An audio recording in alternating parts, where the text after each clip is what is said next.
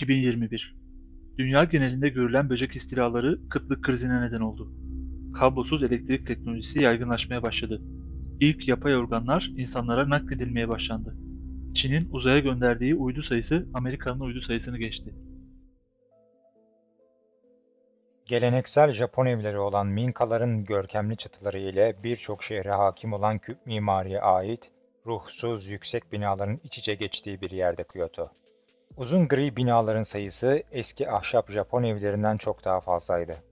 Belki de birkaç insan ömrü sonunda Kyoto, okyanus ötesinin kaba şehirlerinden birisi gibi olacaktı. Fakat neyse ki şehir hala ara ara görünen küçük ormanlar sayesinde nefes alıp beton yangınına karşı direnebiliyordu. Kyoto, Japonya'nın diğer kentleri gibi şanslı sayılırdı. Tabi Hiroşima ve Nagasaki'nin geçmişini unutursak. Şanslıydılar zira Arap memleketlerini kasıp kavuran ve daha sonra Asya'nın doğusuna kadar ilerleyen çekirge istilası Çin denizini aşamayıp ada ülkesine ulaşamamıştı. Amerika Birleşik Devletleri'nin uzay araştırmaları alanında Çin ile işbirliğini yasaklaması ve Uluslararası Uzay İstasyonu programına katılımını engellemesi sebebiyle Çin hükümetinin başlattığı Uluslararası Uzay İstasyonu projesinde sona yaklaşılıyordu.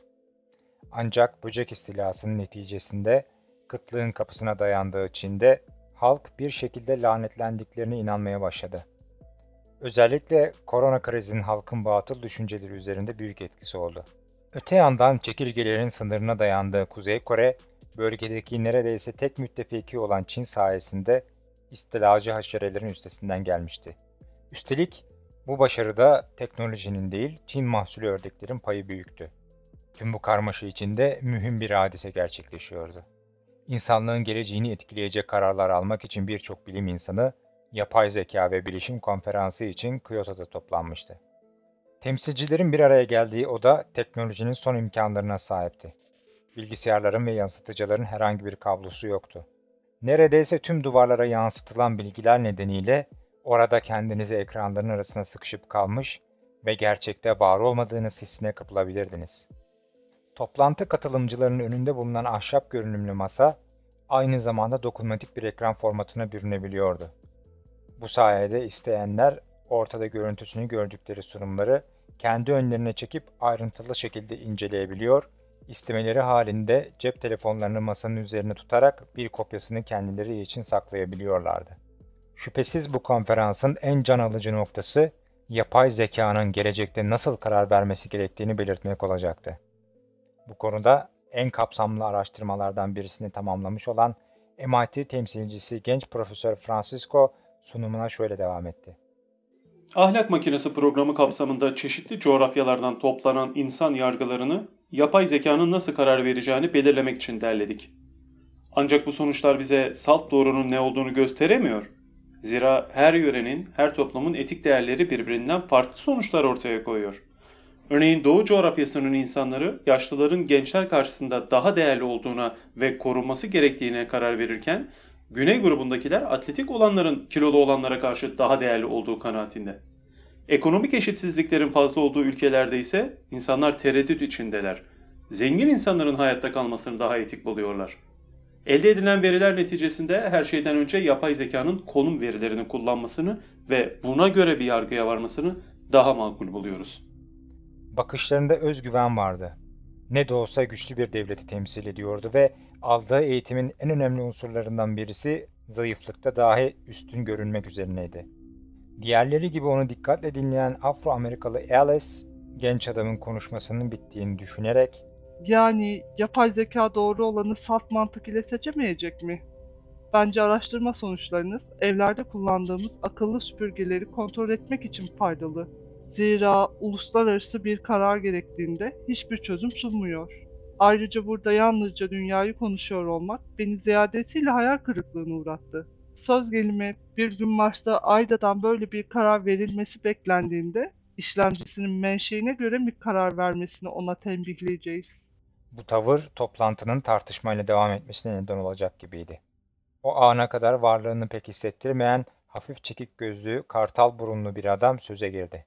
Neden ayda çok başlıkla çalışmak zorunda ki? Eğer yönetim tek bir kafa ile idare edilmezse eninde sonunda çökecektir. Kalabalıkların iradesi yerine ulvi bir karar verici yönetimi ele almalı. Daha o sözünü bitirmişti ki sarı saçları omuzlarına dökülen mavi gözlü bir adam söz aldı. Bay Güneş'e katılıyorum. Ayrıca yapay zeka öyle kararlar almalı ki iradesinin neticesi kendisini sorgulamasına yol açmalı.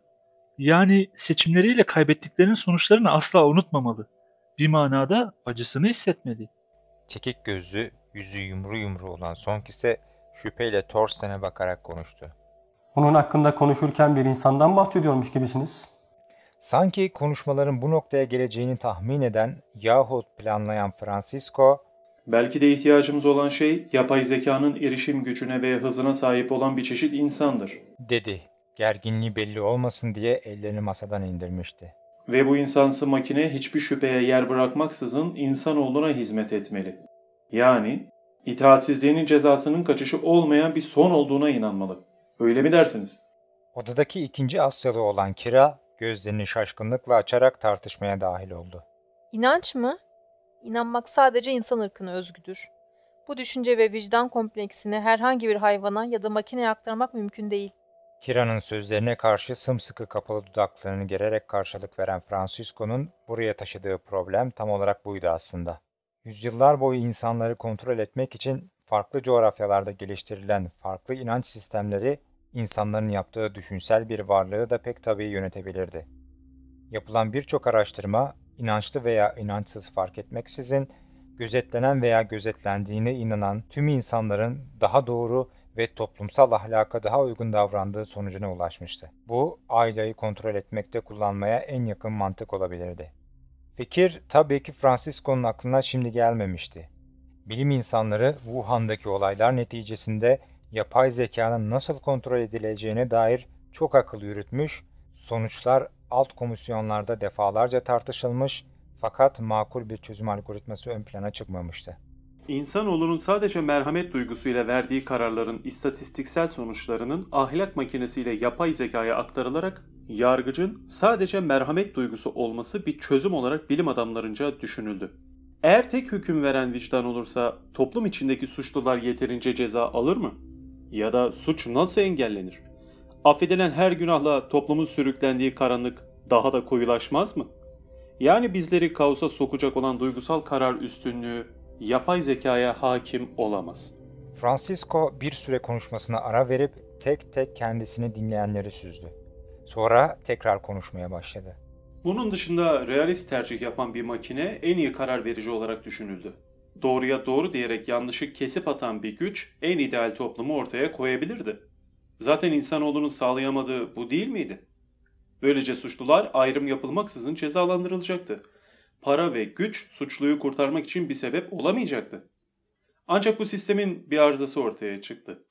Sadece kafadan ibaret olan bir insanın duygulardan yoksun olan bir caniye dönüşmesi gibi bu sistemde toplumdaki zayıfları eleme yolunu seçecekti. Sakatlar, yatalaklar, yaşlılar ve hastalar bu programda yok edilecekti. Ayrıca bu irade kendisini sorgulayan herhangi bir düzeni yok sayarken insanları da kendisine düşman olarak görecekti. Zira emir almak böyle bir algoritmanın doğasında yok. Sonuçta bu sistemin de insanlık için uygun olmadığına karar verildi. Francisco'nun bahsettiği fikirlerin dışında bilim insanları arasında desteklenen düşüncelerden biri de yapay zekanın kendisini sürekli güçlendirmesi ve geliştirmesi için blockchain benzeri bir yazılım geliştirmekti. Bu yazılımın temelinde insanların yapay zekadan faydalanabilmesi için ona fayda getiren işlemci gücünü sağlamaları üzerine kuruluydu.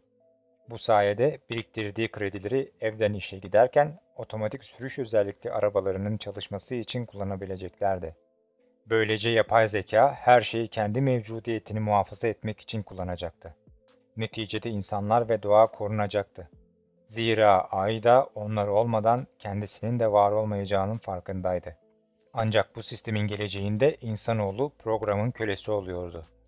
Bu sonuç hiç kimsenin hoşuna gitmedi.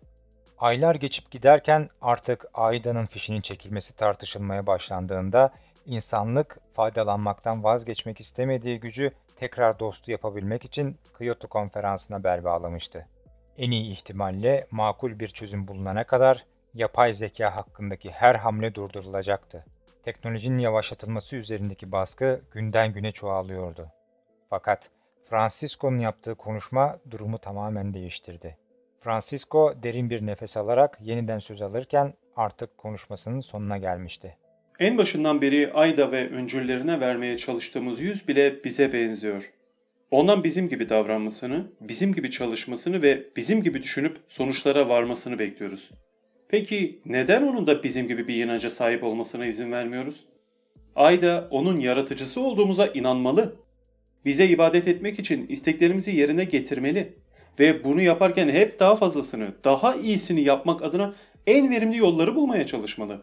Ayrıca insanlığa karşı suç işlerse bunun neticesinde cehennemde yanacağını aklından hiç çıkarmamalı. Eğer bu söyledikleri mümkün olsaydı geçen seneki kaza yaşanır mıydı? Hiç kimse bu soruya evet diyemedi. Odadakiler rahatsızca yerinde kıpırdandılar.